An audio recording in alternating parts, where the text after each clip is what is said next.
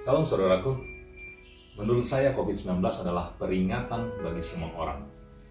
Gak peduli itu anak-anak atau orang tua. Tidak peduli itu orang kaya atau orang miskin. Tidak peduli itu orang saleh atau penjahat sekalipun. Pandemi COVID-19 adalah suatu peristiwa bahwa manusia harus kembali ingat kepada sang penciptanya.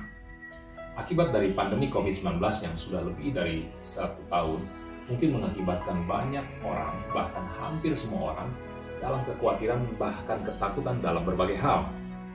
Saat ini saintis sedang berusaha menemukan obat dan vaksin dengan pengetahuan yang terus berkembang untuk menemukan obat atau vaksin yang dapat menanggulangi virus COVID-19.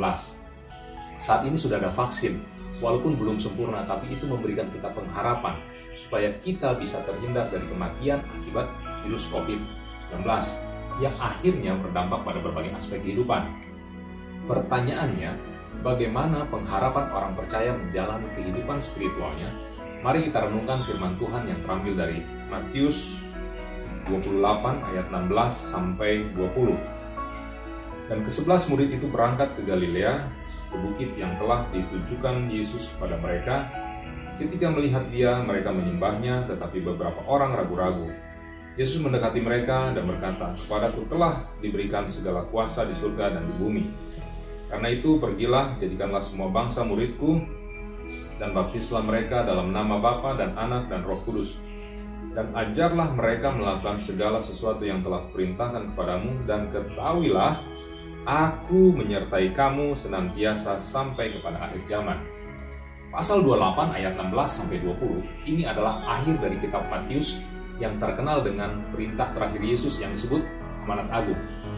Ada tiga poin utama dari ayat tersebut. Yang pertama, percayalah Yesus adalah Raja sejati atas dunia ini.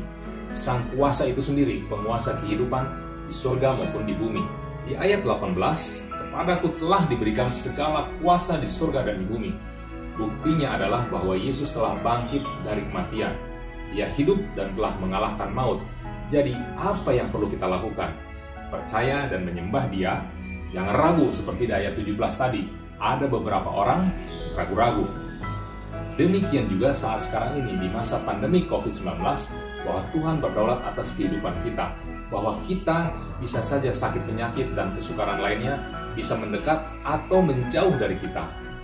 Tetaplah percaya Yesus Kristus adalah Raja yang berkuasa dan berdaulat yang akan memberikan yang terbaik dalam kehidupan kita. Yang kedua, beritakanlah kabar baik. Ayat 19 kata, Pergilah, Yesus mengutus murid-muridnya untuk memberitakan kabar baik kepada semua bangsa. Bila kita sebagai murid Kristus, maka kita harus memberitakan kabar baik bahwa Yesus adalah Tuhan yang sudah datang ke bumi dengan lahir dalam rupa manusia dan kematiannya yang menebus seluruh dosa umat manusia apa pun profesi kita, baik itu sebagai wirausaha atau pegawai, pedagang, guru, dokter, polisi, kerjakanlah seperti untuk Tuhan. Jadilah saksi yang menghidupi ajaran Kristus. Yang ketiga, ingatlah, semua orang dapat masuk dalam kerajaannya dengan cara memberi diri dibaptis, mengikuti pengajaran Yesus, menggemakan arti nama Immanuel atau Allah beserta kita. Nah, Perkataan Yesus yang terakhir terhadap murid-muridnya ialah, Aku akan menyertai engkau. Ini adalah janji perkataan Yesus hingga akhirnya nanti dia datang kembali. Inilah pengharapan yang sejati. Pengharapan sebagai orang percaya bahwa Yesus Kristus senantiasa menyertai kita sebagai orang percaya sampai kepada akhir zaman. Saat ini mungkin keadaan kesehatan kita sedang sakit, kondisi keuangan sedang sulit, hubungan dengan sesama tidak harmonis, atau mungkin sebaliknya, aspek kehidupan kita dalam keadaan yang sangat baik.